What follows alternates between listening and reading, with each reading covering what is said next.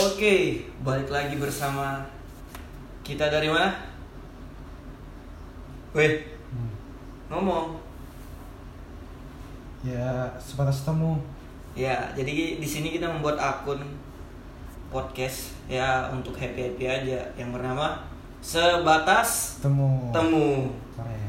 Oke, jadi eh, untuk di balik layar ini mungkin bisa kita perkenalkan diri aja ya. Pertama dari saya dulu ya. Oke, nama saya Michael, tapi biasa teman-teman itu memanggilnya Mikel. Tidak tahu kenapa. Kalau kamu kenapa sih?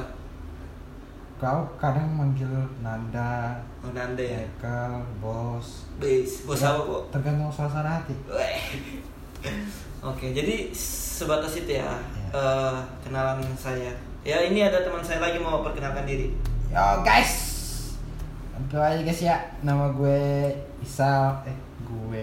Sosok gue. Eh, lu kayak anak jaksel aja, gue gue. Nama gue Isal ya bro. Panggil aja Isal lah. Isal namanya ini siapa?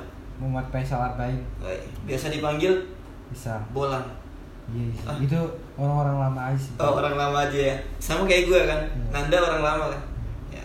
Berarti kita punya sejarah yang yang sama. Iya. Oke.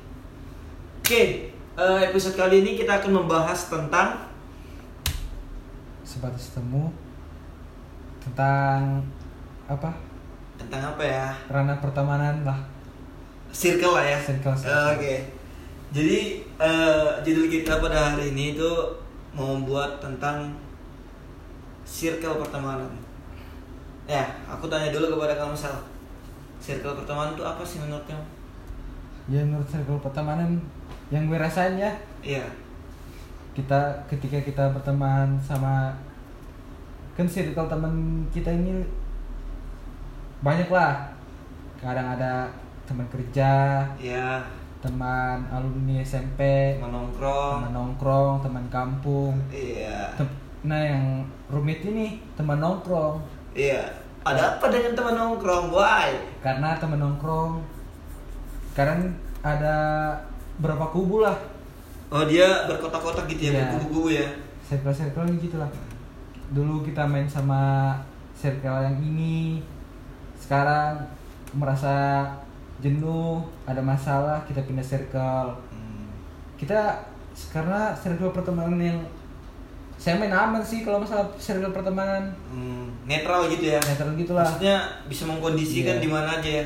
Tapi ada tuh misalnya orang yang nggak bisa di circle ini, ini nggak bisa itu gimana ya?